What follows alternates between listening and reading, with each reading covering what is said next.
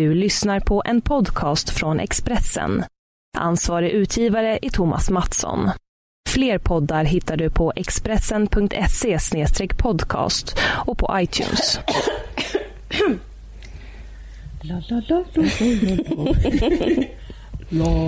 Badrumsskåp. Badrumsskåp. Ska jag. Badrumsskåp. Jag vet inte om det är sånt man säger. Men det är så... Packa pappas... Jaha, har vi börjat? Ska jag. Jag skämtar. Vi gjorde bara våra... Röstavningar. Precis.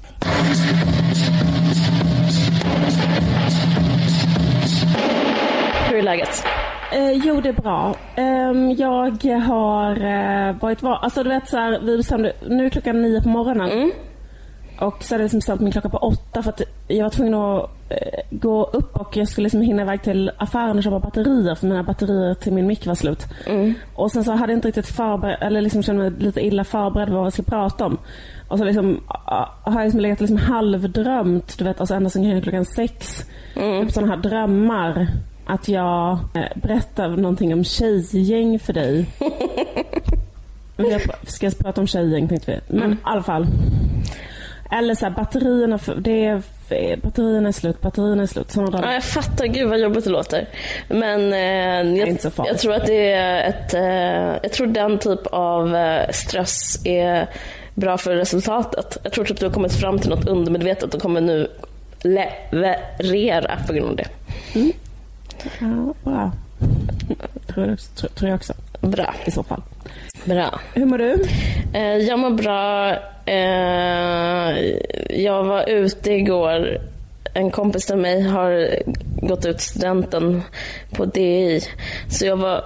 Jag, det var så deppigt, för så här var det när jag var ute. Oh, är du utomhus? Har du lämnat lägenheten? Kul att se dig ute i luften. Oj, vad konstigt att du är här. Det sa jättemånga. För jag, jag, ja, jag kanske inte är ute så mycket. Alltså jag, eller går alltid hem tio senast och sånt där. Så igår var jag ute till ett. Ehm, ja.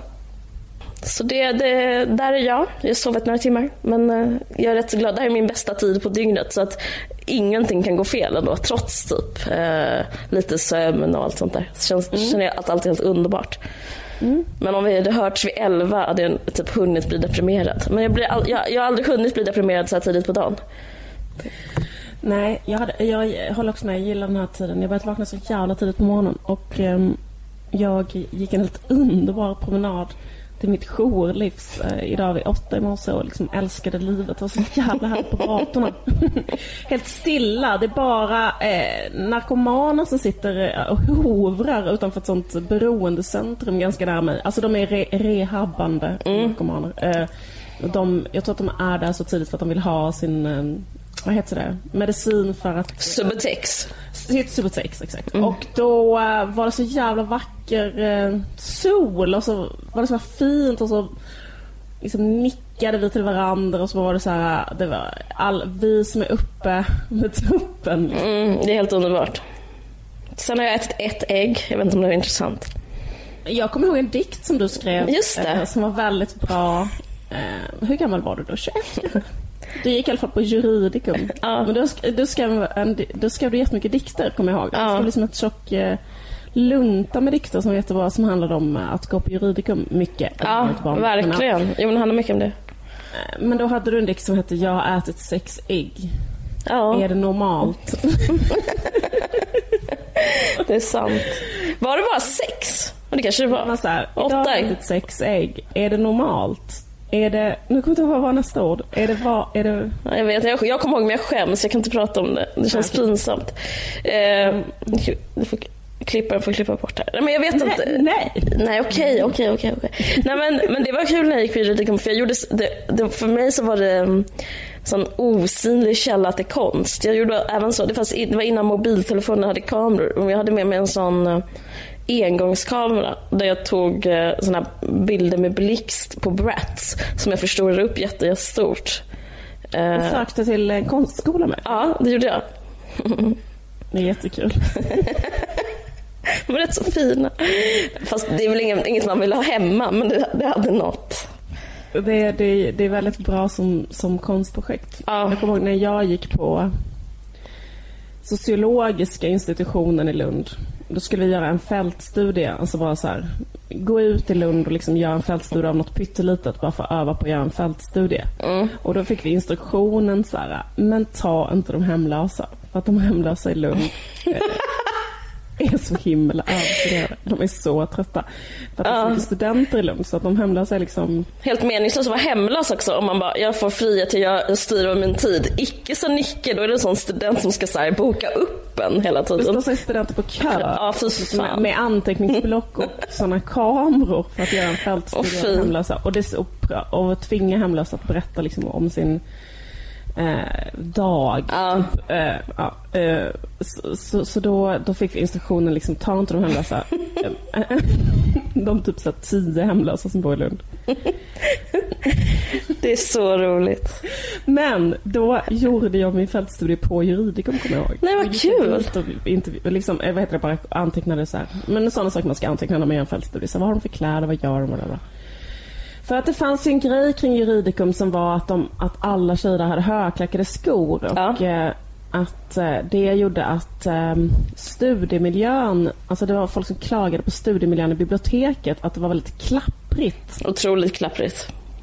Och att det då var ett arbetsmiljöproblem på just juridikum för att det var så jävla hög klappernivå när folk skulle sitta där och läsa lagboken. Mm. Men det var väldigt speciellt. Eh, Men det var intressant att du gjorde det, för då skulle du kunna säga att vi gjorde det båda två. Jag gjorde det med bilder och du... eh, Ja, det kanske... Jag, har jag en bok?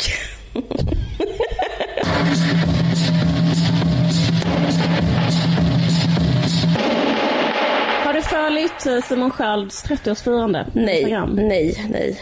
Va? Det är det sjukaste jag har hört. Jag följer inte honom. Gör du det? Nej men alltså jag följer inte honom men jag följer Camilla Läckberg och hon har uppdaterat väldigt mycket. Aha, om jag, jag följer inte Läckberg heller. Va? Det skulle förstöra mitt liv. Men jag går in typ som, istället för att kolla på porr brukar jag gå in och kolla på hennes Insta ibland.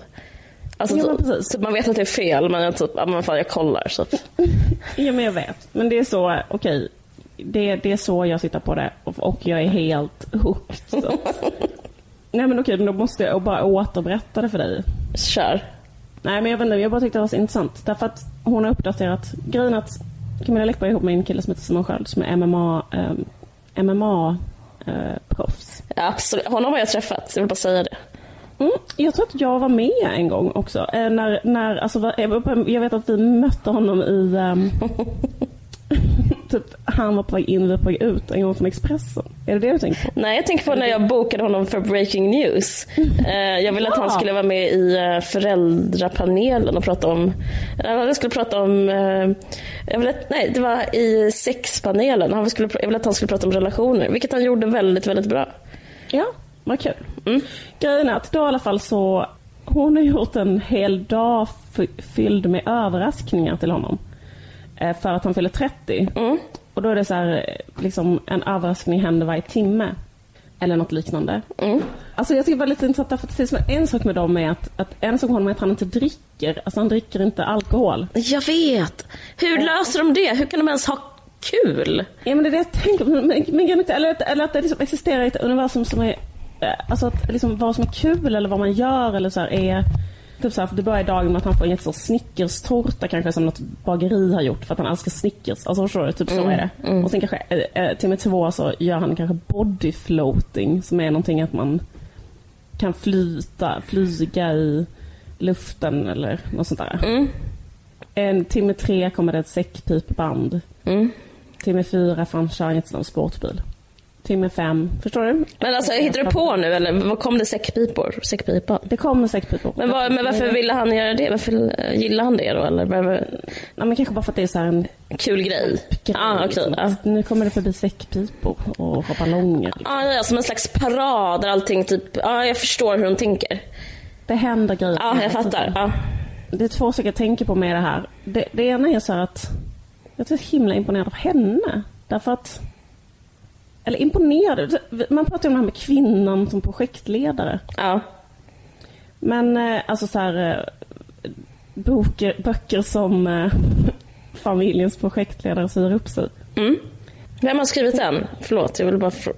Det är intressant att veta. Mm, jag ska kolla. Gunilla Bergensten. Mhm, ja, Jag vet inte om det Men har du inte, har hon inte people som gör det där? Alltså har hon inte så här, typ som man har wedding planner, har hon inte typ så här birthday planner? Alltså det känns så sjukt att hon ska göra det med sina pengar. Jag tror att hon har people. Ja. det är ändå att man måste ringa Ja, de människorna ja det är det. och ändå komma på det och Mm. planera det. Och tänk då att du ändå har en blogg, sex barn, liksom förstår vad jag menar. Två Hon, hon, inte, hon tar ju inte hand om barn. Jag skojar. Förlåt, det var dumt. Nej, det, det har hon dragit in på, så det, är- det är faktiskt sant. Men, Hon har, hon skit, alltså hon... Ja, skit, nej förlåt, jag bara skojar. Nej men... Eh, Jättepaj-skämt. Och det, ja. ja, det är ett skämt. I alla fall. Men att nivån på uppstyrning med det här eh, att beställa en tårta och eh, skriva en lista till det är den ena saken. Det andra vad som jag tänkte på var att man ser vilka människor som figurerar på de här bilderna. Det är typ Camilla Läckbergs ex. Nu bara gissar jag, eller? Vem är det som kom? Nej, jag ska veta vilka som är med och liksom typ titta på alla de här grejerna så här, är där i trädgården och bara ah det kommer en parad. Då är det så här, eh, Viktor Frisk är alltid med. Alla, alla älskar Viktor Frisk. Alltså han är med på alla deras familjehögtider. alltså alla deras. Vackraste Viktor Frisk som har kommit ut med ADHD med en jättebra bok. Typ. Han var även på Anita Schulmans dotters Penners sexårskalas. Då är Viktor Frisk där. Så konstigt. Ja, Jag får fråga en sak. alltså. Men, för jag vet liksom så knappt vad man är. Men han är ju, hur gammal är han? Kan han vara, är han så här 24? Ja, Och han har en duo med Samir. ja, Det är det som har blivit känd. ja. Han, han var inte med Paradise Hotel? Paradise Hotel, förlåt. Paradise Hotel. Eh, det är möjligt. Eller var det Eh, Samir? Ja men alltså Samir var ju med och var ju väldigt bra. Alltså Samir kan jag förstå på, helt, på ett helt annat sätt varför han är känd. Därför att han har ju en otrolig så här, han är ju en väldigt Han är underbar. hög- ja, han, exakt, han är ju som jätte, jätte, jättecharmig, jättebra i TV, jättebra så, så, ja. Men då är en sak, om de är en sån duo, Viktor och Samir. Varför är bara Viktor, alltså varför är det bara Viktor som umgås? Uh, för, för det första, varför umgås han hela tiden med Camilla Läckberg? Och Jo, jag tror, alltså, jag tror kanske att... Uh, alltså, jag, alltså om du, det finns ju vissa likheter. Jag vet, jag kanske är på tunn is nu, men det finns ju vissa likheter med Viktor Frisk och en viss Simon Sköld. Ja, va? Tycker du det? Korta. Otro, otroligt charmiga, blonda, kanske inte, mm, vad ska man säga, raggar kanske inte med intellektet utan något annat. Nej. Ja. Alltså att det finns en sån, så, så, eh, jag tänker att han, att, de, är- att han är så easy going. För grejen, och han, är, han har så här tantatycke också. Jag såg honom i eh, Nyhetsmorgon. Ja men då är det, okej men då är det det. Ja men Ja. tack men det var det Ja. ordet jag behövde. Men hon Marianne Rundström, hon gillar honom också, det var det jag ville säga. Ja men också att han gillar tanter då liksom, för att det, att det går åt båda hållen eller? Eh, ja, det tror jag. Det tror jag. Tanter gillar honom skulle inte vara en skäl till att han skulle alltid vara i så här, Camilla Läckbergs villaträdgård. Ja, men jag tror att Camilla Läckberg är ju, alltså hon är ju, mm, alla vill ju vara där. Det tycker inte jag är konstigt, det är bara att hon är känd väl. Och fett, fett rik, typ har pool. Okej. Ja, nej men jag bara tyckte Ja. att, att Mm. nej men jag tänker bara som att gänget, alltså den eh, fyrklövern, eh, Läckberg, Sköld, eh, Viktor Frisk och Kristina Saliba eh, Jag tycker det är så kul. Ja, har, ge- har jättekul på bodyfloating tillsammans. Att jag tycker att det är liksom en udda kvartett. Men det kanske inte är. Alltså så som du säger att det finns en gemensam nämnare som inte jag ser. Men också att de inte dricker. Förstår du? Att de fyra umgås så här liksom en hel dag och äter snickerstårta och gör bodyfloating och kör med här bil och står och skriker och har ballonger och... Alltså jag vet inte, jag, Ja, typ såhär paintball ihop och sånt där. Nej, vet du, laser do- dome, fan allt sånt. Jag har aldrig gjort Så sånt det där. tror jag är för bonnigt för dem. Men jag menar, Aha, jag okej, tror ja. mer att de åker hanggliding och sånt. Okej, Men du, dricker inte Saliba och Läckberg? Det kan, kan jag inte tänka mig att de inte gör. Nej men alltså okej, de är jättefulla. Det, det kan jag Ja. saken. Men de har jättekul och de, det, ja. De är kanske inte jättefulla men de är ändå lite så. De må, alltså jag, jag, alltså jag tror inte på den här... Eh, alltså jag tror att det här är fake news om du säger att Camilla Läckberg är nykter. När hon umgås med Simon Sköld. det, det tror jag inte. Hon har sitt, hon har, jag tror att hon är så här ständig sån rosénivå som känns helt så här underbar för henne. Alltså jag, att, och sen så, så är han nykter. Det är så tror jag det måste vara. Okej. Jag tror hon i och för sig också är måttlig. Alltså, Alltså jag försöker inte säga att hon är alkis, jag bara känner bara för att, att, bara liksom att så här, ta ner kanterna lite, kanske inte se Siv, kanske inte höra allt Simon säger, om du förstår vad jag menar. Bara liksom ta ner udden liksom. Men jag tycker att det är något intressant med det här liksom, otroliga liksom, kämpandet för att, under, alltså för att så här, hur ska vi kunna ha kul utan alkohol? Alltså, typ att det, är så här, det kommer säckpipor, det kommer en, ett flygplan, det kommer liksom så vet, allt. Bara, alltså man måste kämpa så jävla, man måste kämpa så mycket mer och det kanske är bra. Alltså, jag, menar, jag är positiv till att folk är nyktra. Det är inte alls det jag menar. Men jag värderar varken det ena eller det andra, men bara liksom, men jag, jag har, jag, du har rätt. Men jag tänkte, jag tänkte det, här, det, det är det jag har fastnat för i deras förhållande också. Eller liksom det är det som har fått mig att haja till så att säga. Att de inte dricker, att han inte dricker. Och därför har jag tänkt på varför, liksom, vad gör de? För de går ju på väldigt mycket dejter. Alltså det är, och de åker typ till Barcelona ihop och sånt där. Mm. De har otroligt mycket egen tid. Ja, de, alltså, det är det de har. Ja, exakt. exakt. Eh, och eh, sådär. Men då tänker jag att deras förhållande bygger på sex. Alltså jag tänkte det. För att det är faktiskt eh, någonting som, eh, det är liksom alltså träning och sex, att man håller på mycket med kroppen. Och det är väl liksom, kan, det är som sagt, vad heter det, jag så tappar ord, vad heter det när man Ja, kompensera, förlåt. Man, komp- alltså det är så bra kom, kompensation för just alkohol. Alltså det är också lite så här drogigt kanske. Absolut. Så är det ju liksom. Men absolut. Det, det behöver man ju kanske inte vara Einstein att räkna. Förlåt, jag bara, nej, men, nej, men, jag bara undrar vad, liksom, vad, vad gör man de? tänkte, ja men precis, men varför är de ihop med... Ja, men, liksom, nej, precis. Du bara, jag tror att det handlar om... Nej men vadå, man måste ändå orka umgås. Man måste ändå... Ja, jo precis. Nej men grejen är att, alltså, jag vet inte, det kanske är over the line av spekulationer. Kanske måste klippa bort. Ja, kanske. En jätte, jätteintressant kulturdebatt Finns tjejgäng. Eh, exakt har blommat ut som heter Finns tjejgäng. Nej, Jag trodde att debatten hade dött men sen så kom det eh, ett inslag i eh, Kulturnytt. Kulturnytt som tog upp det lite grann Mm. igen. Och frågan har varit, inte bara, det är inte finns Nej, jag skojar bara. Det är inte alls finns tjejgäng. För det, det kan man bara utan kolla. är, är tjejgänget överdrivet liksom glorifierat i vår kultur just nu? Ja.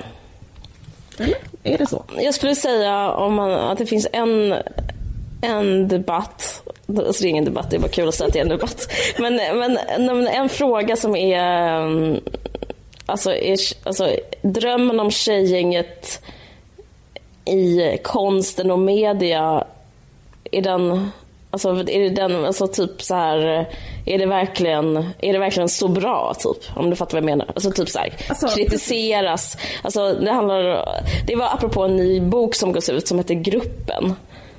Eh, som Mary McCarthy eh, har skrivit och som Sarah Danius Den gavs ju ut på 60-talet men den har getts ut igen nu. Ja. Ja, precis. Och den är på faktiskt... eh, Den så här blivit väldigt populär. Den är på DNs eh, litteraturlista såg jag och den är så här, ja, den verkar lite inne att läsa på något sätt. Eh, och det är en kollektivroman om eh, eh, hur många tjejer? Åtta, åtta? åtta tjejer som träffas på eh, colleget. Och det här står, en- nu ska jag, förlåt, men alla säger det, det heter Vassar. Alla säger fel på det colleget hela tiden. Inte Vassar och sånt säger de. Vassar heter det. Ehm, Då fick vi då alla lära oss något. ja, men det är därför den här podden finns. jag skojar. Sant, Vasar. Ja, Vassar. Säg inte Vassar fler gånger, P1. Ehm, den här podden är bättre än P1. Nej, förlåt. Jag skämtar. Klipp bort. Jag är rädd för eh, rubrik. Det är jättekul. Ska vi vara öppna med det att vi har haft ett problem, eh, eller Ja. prata om det på den? Nej. Det är kul om det är det tycker jag. I alla fall, vi har haft ett problem i vår podd som är att vårt moderskepp Expressen skriver en så kallad puffartikel eh, för varje avsnitt. Då sammanfattar de vad avsnittet ska heta. Så vet jag inte om det är liksom en annan person som kommer in och sätter en rubrik. Eh, Men då i alla fall har de rubrikerna varit så otroligt pinsamma så vi, det har varit så himla... Till exempel har det varit knullmaskinen Alexander Skarsgård. Knullemaskinen Alexander, Skarsgård. jättesvårt för mig att gå på titta det här, pappa i ögonen Birgit- efteråt. Eller det här, Birgitta Olsson är riktig feminist. Det är så grovt. Eh, typ som ingen någonsin har sagt. Liksom. Jag tänkte på det, nu ska hon bli partiledare för Liberalerna. Så liksom, så, ja, för fan. Nu är våra dagar, eh, alltså slut, nu kommer vi bli krossade. Vi, vi, vi kommer bli placerade i Gulag ifall Vi kommer få en mäktig fiende. verkligen. Och allt på grund av ett clickbait. Så jobbigt. Ah, I alla fall. Men jag, jag hörde på Alex och Sigges podd och blev lite uppmuntrad.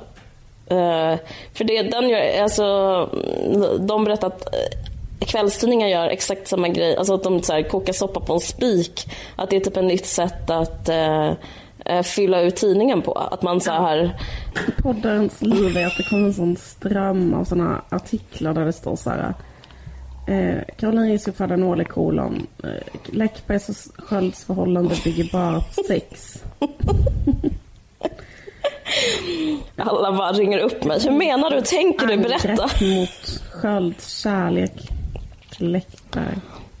Mm, verkligen. I alla fall. Men eh, det här med eh, tjejgäng. Mm. Det, var väl någon, det är väl någon som har gjort en spaning som är så här, mm, nu finns det tjejgäng i kulturen.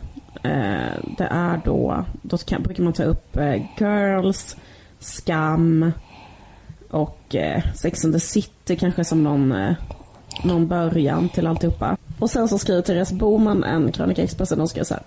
Kanske är samtidens mest framgångsrikt saluförda dröm den om tjejgänget. Mm. De där kompisarna man alltid kan lita på och som man anförtror allt åt. De man känner sig stark och snygg och oövervinnerlig tillsammans med. Det är en kraftfull bild med en touch av radikalitet som signalerar att man är både modern och självständig och värderar vänskap lika högt, kanske till och med högre än kärleksrelationer. Enligt en ofta upprepade tanke om att kärlek är förgängligt men vänskap består. Men för den som avskyr kollektivism i alla former är det ständiga hyllandet och idealiserandet av kvinnlig vänskap i grupp precis lika enerverande som idealiserande av till exempel normativ heterosexuell kärlek. Hur liksom förtryckande det kan vara för andra att säga att det är bra. Det jag fastnar för är när hon skriver att så här, och att det är typ låg status att man hellre vill umgås med killar. Att det är så här, eh, det är fel att välja. Eh, att man är så förrädare nästan om man väljer typ, att umgås med män, män framför tjejer. Det tyckte jag var en intressant, ja, att hon tog upp det. Liksom. För det kanske man vill, säger hon. Liksom. Just det. Men jag, eh, på ett sätt så kan jag hålla med. Alltså, eh, jag, jag kan hålla med om faktiskt om en sak. För, för jag tycker att eh, alltså, när någonting har varit eh, nertryckt. Mm. eh, Sen när det kommer upp. Då kan det komma upp alltså typ så här i en liksom lite idealiserad form. Alltså så är det ju. Mm. Det är ett liksom så problem med alltså att, eh, att eh, försöka liksom ändra en maktordning, eller vad man ska säga. Alltså att det liksom blir så att, så här, säg att du är en författare som eh, för första gången vill skildra kvinnlig vänskap. För att det inte har varit så skildrat. Eller liksom så att det har handlat så mycket om manlig vänskap. Och sen så liksom när du gör det så eh, blir det liksom en touch av att idealisera det bara för att eh, eh, Alltså det kan råka bli så. Att så här, det här är så jävla härligt. Därför att det, eh, liksom, eh, och då, då kanske det blir lite väl så här hurtigt och uppmuntrande. Fast jag tycker inte att de här exemplen, alltså speciellt inte girls, är ju inte så. Nej, alltså verkligen är- inte. Tvärtom är det ju väldigt realistiskt skildrat. Deras tjejgäng är ju nästan inte ett tjejgäng. Alltså de är liksom, eh, man följer ju bara fyra personer tycker jag. Och eh, alltså jag menar de är vänner men under perioder så umgås de ju inte och sådär. Precis som det är i verkligheten. Ja men precis. Uh, ja men därför det är en sån pseudodebatt där för att uh, det, jag, jag, tyck, jag, jag håller inte med alls. Jag vänder mig emot hela grejen. Att det är ett, en tjej, liksom att det finns en, ett förhärskande tjejgängsideal. Um, jag tycker inte det är så. Jag tycker det säger, um, det säger någonting om upphovspersonen också. För mm. att, jag tycker i och för sig att man blir lite, jag tycker man kan bli lite så här, lite, jag tycker lite att det är nästan lite så här hjärtknipande att upphovspersonen känner det som en press liksom för att den ser det i skam typ. För det säger ju någonting om att mm, att, den borde liksom... Ja men att man har en känsla av så här, liksom varför har jag aldrig känt mig eh, oövervinnerlig och jättesnygg och, och så här, tillsammans med mina tjejkompisar. Mm. Eh, det, det har eh, det gör de i det här, den här gruppen på TV. Nej men jag vet inte. Mm. Och så är det så här, alltså att man kanske kan känna ett eh, att det kan kännas då liksom finns en sorg eller ett misslyckande i att känna sig jag är en sån person som inte har eh, haft den här typen av, eh, av erfarenhet kanske. Mm. Jag, jag, och då, då, känner man sig kanske liksom eh, så här, på samma sätt som man kan känna sig utanför, man är misslyckad eh, på så här, eh, sådana områden. Att jag har inte, ingen kille är kär i mig eller liksom liknande. Jag har inte haft eh, några bra kvinnliga vänskapsrelationer eller något sånt där. Mm. Men det handlar ju inte om att kulturen försöker tvinga en att ha det. Nej. Alltså jag tror att det finns en eh att det handlar om att kunna ha relationer. Alltså vad är ett tjejgäng? Liksom, tänkte jag på när jag läste den här texten. Jag bara, men vad, men, vad menar du med tjejgäng? Alltså, det är ju olika människor som har, är kapabla att ha djupa relationer med varandra. Det är typ det. Det, det är liksom inte så... Um, och samma med girls, alltså det är som du säger, att det, det, är liksom, det handlar inte så mycket om en grupp, det handlar mer om så olika människor som relaterar till varandra Uh, det är beundransvärt. Alltså det finns ju någonting, man skulle nästan kunna säga typ att det är meningen med livet. Alltså det blir så konstigt att göra det till en sån genus eller könsfråga. Liksom så här, tjejgäng Eh, och, och, typ att det har så jättehög status. Eh, tvärtom så är det liksom någonting som eh, Alltså jag vet inte. Jag tycker det finns ett objektivt ideal i att kunna ha relationer. Så jag vet inte. Och, så, alltså, och sen så tänker jag det, det enda, ideal, det enda så här snacket om kvinnor som, som jag upplevt förhärskande, det är liksom det motsatta. Alltså jag tycker alltid så här eh, en status i att säga så här, jag är en pojkflicka typ jag fiser, jag, jag kan klättra och eh, eller typ, vad är det mer? Typ tjejer kan inte hålla ihop, tjejer, det är som en hönsgård. Alltså jag säger inte att det är status, men jag menar det, om det finns någon slags liksom norm som är så gängse så det är väl mer så. Typ att kvinnor skvallrar, kvinnor kacklar, kvinnor eh, bla bla bla. Och även i den här artikeln tycker jag också det finns ett kvinnohat i. Eh, hon, jag, jag har tagit fram den nu, jag ska citera vad jag tänkte också eh, på. Både du och jag har ju läst det förordet i boken. Det är Sara Danielsson som har skrivit. Och, till, till grupp, precis. Och då citerar Therese Boman i hennes eh, debattartikel om tjejgäng så här. Kanske är det absolut intressantaste med den Sara Daniels förord eftersom delar av det är så talande för vår tid. Det är inte, då citerar hon här, Daniels. Det är inte alltid lätt att hålla isär de åtta kvinnorna, menar Daniels. Några är färgstarka och dröjer sig kvar i minnet som enskilda porträtt. Men de övriga glider gärna samman. Det gör ingenting. Det viktigaste gruppen är gruppen som grupp. Det står över den enskilda människan. Det är åtminstone en av McCarthys teman i boken. Sen kan man förstås tycka att det är märkligt att vi får veta långt mycket mer om damernas förhållande till män än om vänskapen däremellan. Alltså att de snackar om killar. Och det, det tycker jag det, det enda jag har liksom nytt att säga om det här är, är att jag, det, det är det enda jag ställer mig frågan för. För det finns en norm om att det är fel. Jag bara tänker på Bechdel-testet. Vi pratade lite om förra boken, den här äh, Bitterfittan. Äh, och då tänkte jag att det här skulle inte klara Bechdel-testet. Men sen har jag tänkt rätt så mycket på det och det här testet överlag, att det är så här, två kvinnor ska kunna prata om någonting annat än killar eh, för att passera det här testet. Mm. Att det testet är så himla um, översittande på något sätt. Eller jag vet inte. Eh, det är, handlar om åtta kvinnor, det är en kollektivroman men ändå får man reda på mest av eh, relationerna med män med de här mm. kvinnorna. De pratar mest om män. Och att det är en kritik. Och jag tycker eh, jag jag undrar, liksom grovt att säga att Sara Danius är kvinnohatande. Jag menar inte att hon är det, men att det finns en sån, det här Bechdel-testet är lite varför ska man, så här, men varför kan man inte bara fucking chilla och låta så ett samtal vara ett samtal? Varför kan typ inte två kvinnor prata om en kille? Det är kanske någonting, de kanske säger något insiktsfullt, psykologiskt insiktsfullt eller liksom, de har kanske en livsvisdom som kommer fram där. Alltså det är liksom, ja. eh, det är så det relationella som är, jag tycker det är själv personligen så extremt intressant att prata om eh, liksom relationer, det behöver inte vara killar, men liksom så här, prata om problem och relationer bla bla bla. Det blir så ja, konstigt eh, betygsskala att, liksom. Eh, ja men absolut och det är feministiskt att diskutera sin relation med en annan kvinna och få liksom en, en annan eh, blick på det och kanske få hjälp om man har ett eh, problem eller kunna bli hjälpt ja. med förtryckt och bla bla bla. Få syn på eh, något eh, man gör som inte bra för en själv och så, så, vidare. Så det är klart att det är så. Ja. ja men jag har hört den kritiken rätt så mycket. Alltså, dels det här utbredda Bechdel-testet men också som att det är någonting som skulle tala emot att tjejgäng är då, alltså den som får, där är det fånig med debatten. För det blir så här, är det bra eller dåligt? Det är helt sinnessjukt att ha den åsikten för det finns. Men liksom tala emot tjejgäng som ideal för att det är så här, men de pratar ju bara om killar. Det blir så här, jag tycker det är ett konstigt sätt att värdera jag vet inte, vad ska man annars prata, prata om? Ska man prata om, typ om död? Jag förstår liksom inte. Eh, för jag tänkte så här, varför får man inte reda på någonting om deras vänskaper? Exakt, men vad är, vad är, vad är en vänskap? Vad, ska man, vad är det man ska veta? Vad ska de prata om Marx? Eller så här, eh, för han, hon vill, vet inte. Eller så här, ska de prata om judendomen? Alltså vad är det, hon vill, vad är det man vill ha liksom? Alltså apropå att McCarthy var kompis med Hanna Arendt. Alltså liksom, vad, är det de, så här, vad är det man vill liksom inte får?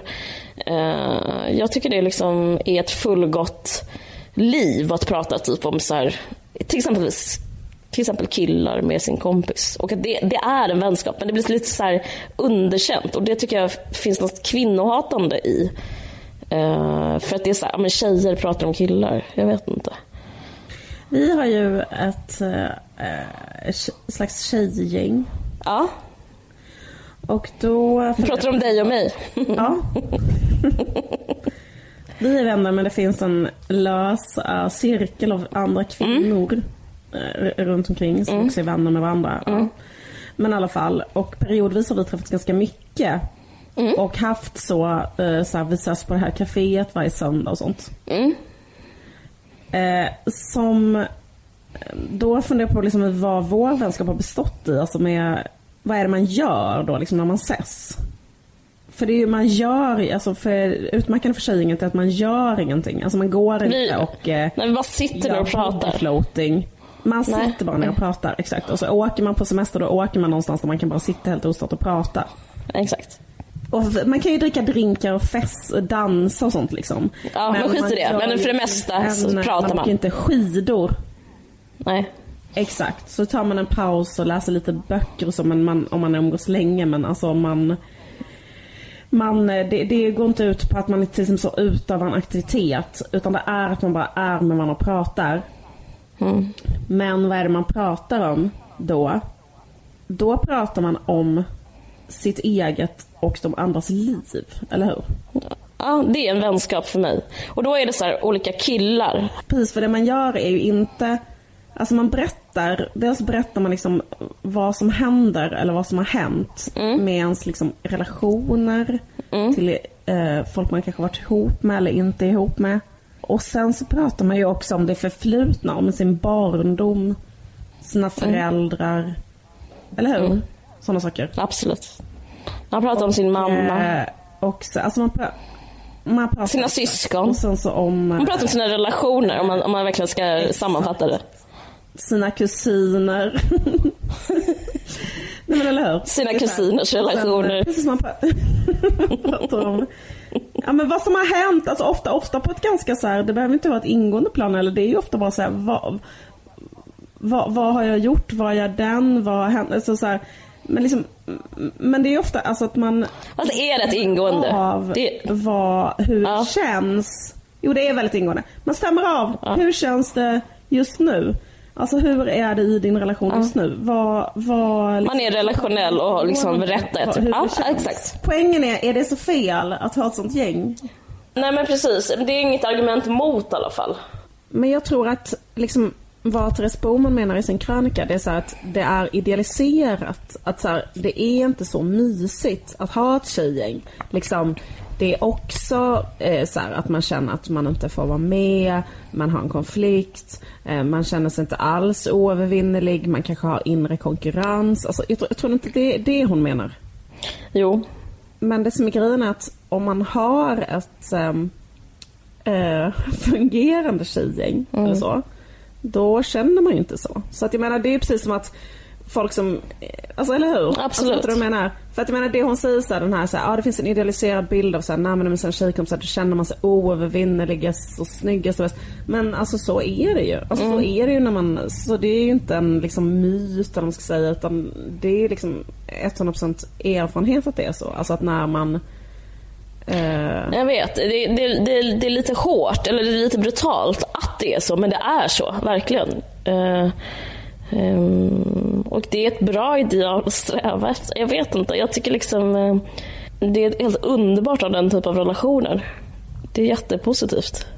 Precis, men sen tycker jag också en intressant grej för då är liksom att idealet, eller varför man känner sig kvävd av idealet eller att om det är ett ideal eller en, en, liksom en om man jämför med idealet att ha en lycklig eh, kärleksrelation eller Mm. så, att ha så ett härligt lyckligt tjejgäng. Så- Alltså om det man menar är så att ibland är man inte liksom så nära varandra eller ibland är man i helt olika faser i livet och det är inte så kul att umgås eller man, eller fattar du vad jag menar? Mm. Man gör någonting liksom, man, man håller på med olika saker och man är lite trötta på varandra eller trötta på några eller vet. Mm. Men jag tycker också det är lite konstigt som invändning för att liksom det gör väl ingenting. Eller alltså typ att um, Alltså att det idealiserade tjejgänget. Alltså om, jag, om jag tänker på så hur det är i Sex and the City till exempel. Mm. Där är det liksom ett väldigt idealiserat tjejgäng. Att de liksom alltid är vänner och alltid ses. Och det är Mm. alltid så här, vi är den här kvartetten som liksom allting utgår från och typ sådär. Mm. Men, eh, men att det kan kännas lite idealiserat för det känns som att eh, de skulle liksom, i verkliga livet umgås med andra. Verkligen, det håller jag med. varandra liksom. Mm. Att det är väldigt mycket så, en är så här, en är så här, en är så här, en är så här. Ja, fast det skulle jag inte säga. Problemet med Sex and the City är om man jämför det med Girls som jag inte får den känslan av. Det, det, det är liksom att Sex and the City är att det är så här fyra karaktärer som har fått varsin egenskap eh, rätt så mycket och att de är sedda utifrån. Alltså det är som att de är marionettdockor som eh, det är någon annan som bestämmer över hur de ska reagera. Så det finns en objektifierad eh, de blick. Ja, de är precis. Det, och det gör att eh, ingenting är trovärdigt. Det, det är en rätt så keff serie överlag. Så därför blir det, därför är det också, även det dåligt skulle jag säga. Alltså, det beror ju inte på Ja, själva alltså, jag tjejgänget. för sig. Jag tycker det är för sig en bra serie. Ah, okej, Men ja. För, för, jag tänker att, Hatar den, att, att det är realistiskt, är inte jag direkt en invändning. För att så här, det är mer en, vad ska man säga, som en... Jag menar inte realistiskt. Jag menar att det liksom inte utgår från... Det, man, det är som man tittar på dem utifrån. Alltså, eh, det finns ingen subjektivitet i Att den dem. har sin annan genre, liksom. Att den är så mycket mer... Eh, eller liksom, jag vet inte. Jag har kanske, jag tycker faktiskt, för jag tänkte att det är så himla många som har sagt det så nu på sista tiden så här, att man har bärsat City så himla mycket och sagt så bara åh vad bra girls är, vad dåligt här. För att girls är då liksom lite mer, alltså har liksom kanske en, en konstnärlig ambition och så. Jag har hatat det från dag ett, men absolut.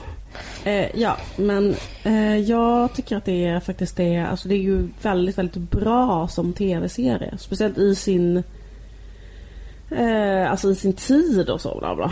Alltså så mycket, mycket, mycket, mycket, mycket bättre skrivet och spelat och så än allt annat. Som liksom Jag håller verkligen inte med. Och, I alla fall, men det, men det idealiserade tjejgänget Mm. existerar ju där på ett sätt som, som det liksom inte gör i, ehm, i typ Girls. Eller Skam, för till exempel Skam är ju också så här, följer du nya säsongen av Skam? Ja. Det är väldigt konfliktfyllt. Alltså det är mycket, och det är också på samma sätt att det handlar typ om olika människors liksom, eh, vad skulle en människa som hade känslor göra? Så är ju skam mycket mer. Liksom. Eh, vad, att, att folk har liksom en, en agenda och ett känsloliv som ibland gör att de tar destruktiva beslut. Det tycker jag förenar både Girls och Skam. Men om man jämför med Sex and the City så är det som att det inte det är bara ett ideal som tar beslut, inte liksom en människa. Där är det, handlar det jättemycket om konflikterna vänskapen mellan. Alltså senaste säsongen till exempel. Exakt, men om vi ska liksom ge det något, liksom mm. det här idealet mm. med mm. tjejgäng så, fin- så, så, tycker jag att det kan finnas ett ideal eh, som kanske marknadsförs då exempelvis i Sex and the City mm. men också eh, på, på, kanske andra ställen eller överhuvudtaget i kulturen så här, mm. Som är liksom att det, allt ska vara som det alltid har varit liksom. Eller typ att man kanske är Liksom att har man haft ett jättemysigt tjejgäng som har varit på ett visst sätt. Mm. Har man varit jättenära vänner. Att mm. liksom att man, eller att man upplever det som väldigt sorgligt om man om man liksom inte är så nära under en period eller typ mm. Mm. Men um, jag tänkte på att det är så ganska, för, för jag upplever att vänskap är ganska mycket så att när man blir när man blir vän, vän med någon så brukar man ha en sån jätteintensiv period. Mm, som en slags nyförälskelse. Precis. Och det beror ofta på att man är då, där och då är liksom i samma situation. Eller liksom att man är, att någonting är likt liksom i ens livssituation just då. Mm. Alltså så kan det, det kan ju vara väldigt, man kan ju ha så väldigt, väldigt intensiva liksom vänskapsrelationer typ om man har Eh, det här låter klyschigt, så heteronormativt, men det är ju så. Liksom, typ om man har blivit dumpad av någon, eller väldigt olycklig. Mm. Och så har man jätteintensiva vänskapsrelationer. Kanske gärna då med någon annan som också är eh, vad heter det, kanske singel i alla fall. Mm. Eller någonting. Mm. Bara för att så här, vi liksom har samma känsla inför det här. Och sen efter det kan man vara vän hela livet. Men liksom att när man börjar bli vänner så är man så här det är någonting som gör någonting liksom. Mm. Men, men, ehm, men sen, eh, ja men jag vet inte, men jag lyssnade på ett avsnitt av eh, Anna och Amanda som, som handlade om, om eh, när liksom man börjar känna att vänskapen inte är som vad den var innan eller så. Att man kanske är i jätteolika livssituationer eller något sånt där. Mm. Då berättade Amanda en situation som var så att hon hade en jättenära vän hon var gravid och hade fått ett barn och hennes vän hade precis varit gravid men hennes barn hade dött i magen typ eller något sånt Gud. Och då liksom kunde inte de umgås eller den här vännen liksom eller förstår du vad jag menar? Att mm. om man precis har fått ett barn så är man kanske jätte uppe i att man vill vara en person som bara sitter och pratar om sin sitt barn och är helt uppfylld av förälskelsen i sitt barn. Och liksom, man har ju också på något sätt rätt att få vara i den perioden, för man är i den perioden av sitt liv. Och man, mm. liksom, du vet, det är det vad man upplever. Mm. Man vill sitta bara och prata om det. Mm. Ja, så har man en vän som liksom eh, absolut inte liksom mår bra av att vara med någon just då som är i den situationen. Liksom. Men då så sa hon, tycker jag, något som var väldigt bra, som så bara sa, men då kan man bara tänka att så här, vi, just vi två behöver inte ses just nu. Eller du vet så mm. Eh, vi kan umgås med någon annan ett tag och sen efter ett tag kan, kan vi säkert bli vänner igen. Men det är liksom eh, och, det, och det tycker jag också är lite Tycker jag kan vara ganska eh, skönt att tänka på med så här tjejgäng att, så här, att det kan vara så att man tror nästan att man har en en konflikt eller whatever för att man kanske är i olika situationer. Typ någon är jättetrött på, eller liksom mm. så kan det ju vara. Speciellt när man får barn kan det ju vara så. Mm. Vissa som inte har barn är jättetrötta på de som har barn för de pratar bara om sina barn, mm. går aldrig ut, lever ett helt annat liv.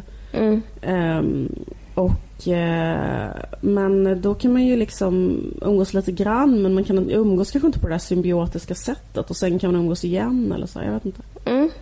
Att det inte behöver vara så jävla dramatiskt tänker jag. Nej men precis. Nej men det... Eh, nej det behöver det verkligen inte vara. Men det kan ju bli grovt dramatiskt. Typ så om någon blir ihop med en kille till exempel. Om man har haft en sån symbiotisk vänskap där man, när man är singlar. Sen är någon jättelyckligt kär och så försvinner helt från ens vänskap. Sådana saker är ju otroligt sjuka och smärtsamma. Mm, jag vet. Jag, jag, jag, tänkte lite på det när du pratade. att uh, Jag håller med dig på ett sätt men på ett annat sätt så det är okej, okay, man behöver inte umgås just då, bla bla bla, men det finns en annan sanning som är att det är också en separation och en sorg. Och eh, det, alltså att det kanske är viktigt med den relationen. Det kanske är, så här, är viktigt att så här, bara träffas och prata jättemycket just med den människan och inte vara så här hela tiden välja vad som är bäst för en själv. Jag, jag vet inte. Det, eh, jag, jag tycker det lät sorgligt det du sa. Ja. Det låter så väldigt ett så här egosätt att se på livet. Eh, jag, det är jättesorgligt att sluta vara vänner med folk. Men jag, eh, det tänkte jag också på när jag läste den här artikeln. Att det finns... alltså jag tror sig, ja. för varför jag tyckte det ja. kändes befriande för att ja. jag kan ibland, när man, för jag, det vet ju du om, att, ja. vi, att jag har, vi, vi är vänner med många tjejer. Ja. Då har man liksom otroligt långa vänskaper. Ja. Alltså vänskaperna börjar nu bli 20 år långa liksom. Ännu längre. Vår vänskap är ju um, nästan om typ 23 år lång eller Ja, jag försökte säga någonting. Hjälp, jag börjar gråta.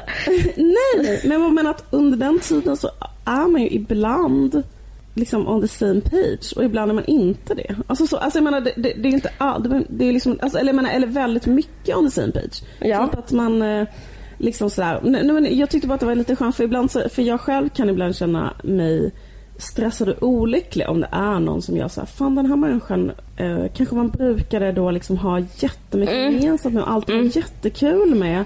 Och sen så bara, men vad är det som har hänt? Eller varför mm. har det inte kul längre? Eller vad är det som, eller eh, eh, liksom, och, och då tänker jag så, men det kanske är också att man bara är på lite olika plats och sen efter ett tag så kommer det att komma tillbaka. Jag vet inte. Jag vet. Jag, jag hör det. Jag fattar vad du menar. Så här, för vi är, man äh, känner ibland att vänner som till exempel, om du har fått barn, uh, du är vän med någon som uh, inte uh. vill ha barn och inte har det.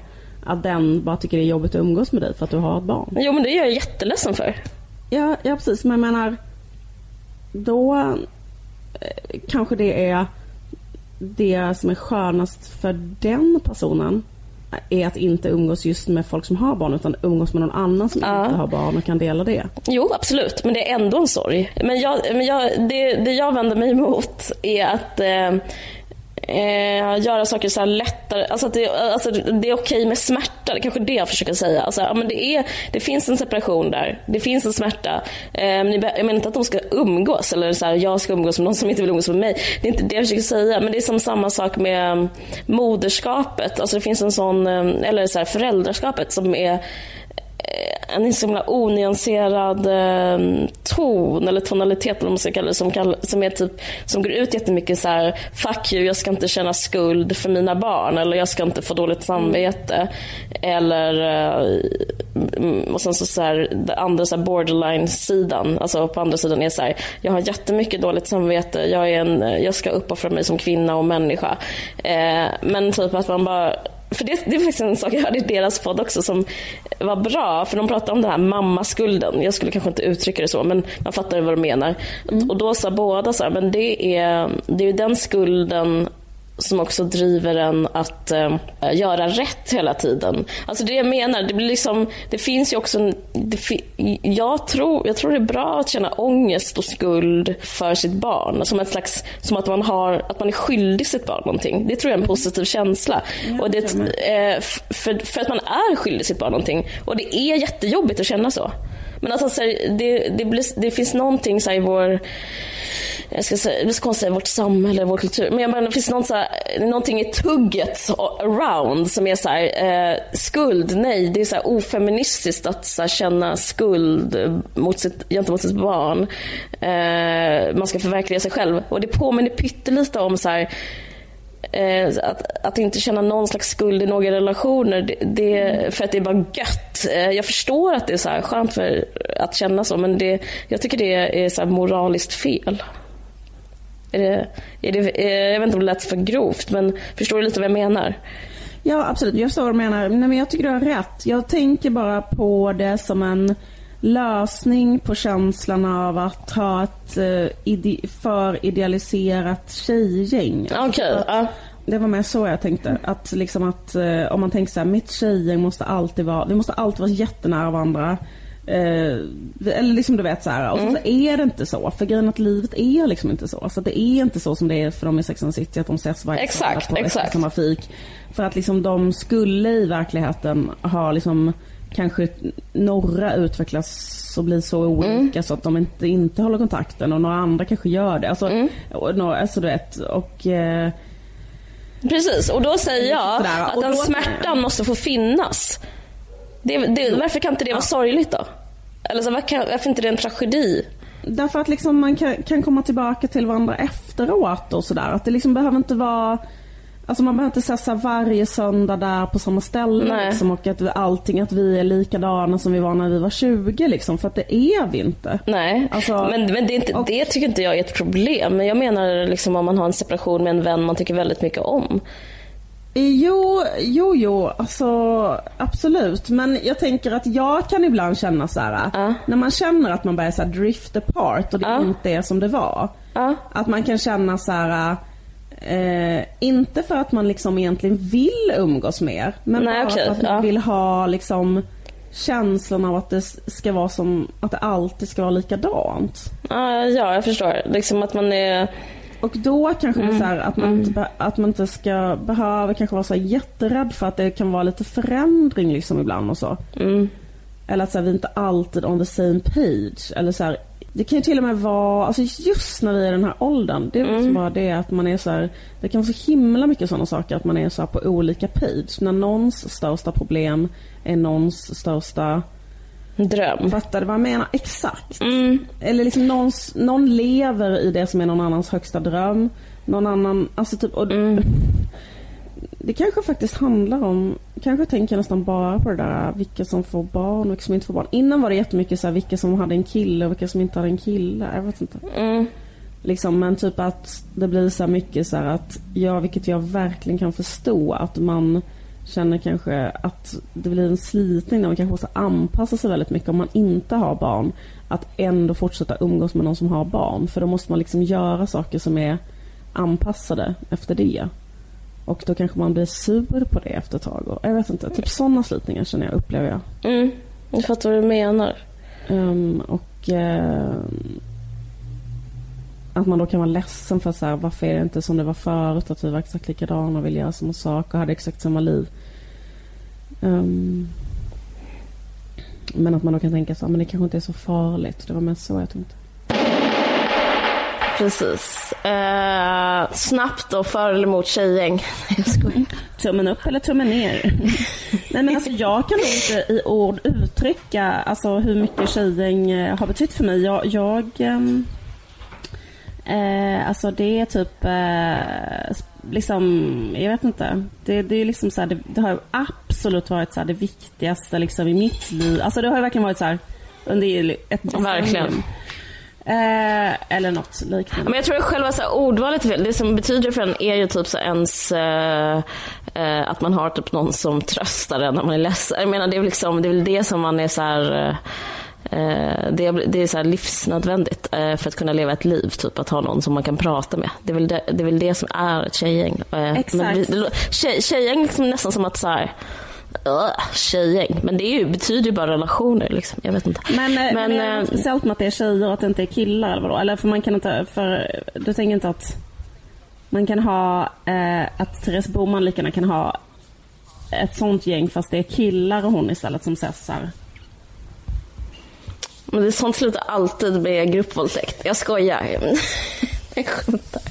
Nej, jag bara vet inte. Jag, jag, tror, jag tror att det finns erfarenheter som eh, är kvinnliga som eh, beror på att man... Alltså, jag vet inte. Jag tror att så här, man utvecklar vissa grejer eh, som kvinna i en, i en eh, patriarkal värld. Alltså, jag, för mig det finns eh, eh, betyder det någonting att det är kvinnor.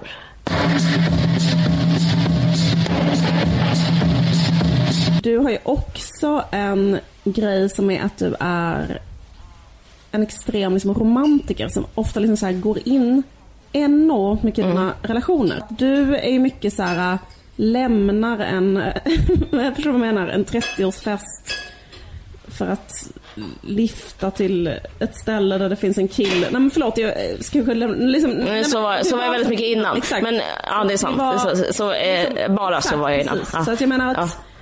Det var ju Det inte fel. såhär, den här duktiga vännen som alltid eh, är liksom eh, Nej. mina tjejkompisar, vi hade bestämt att vi skulle ses nu så då gör vi det. Alltså det är det liksom såhär, Nej, tvärtom.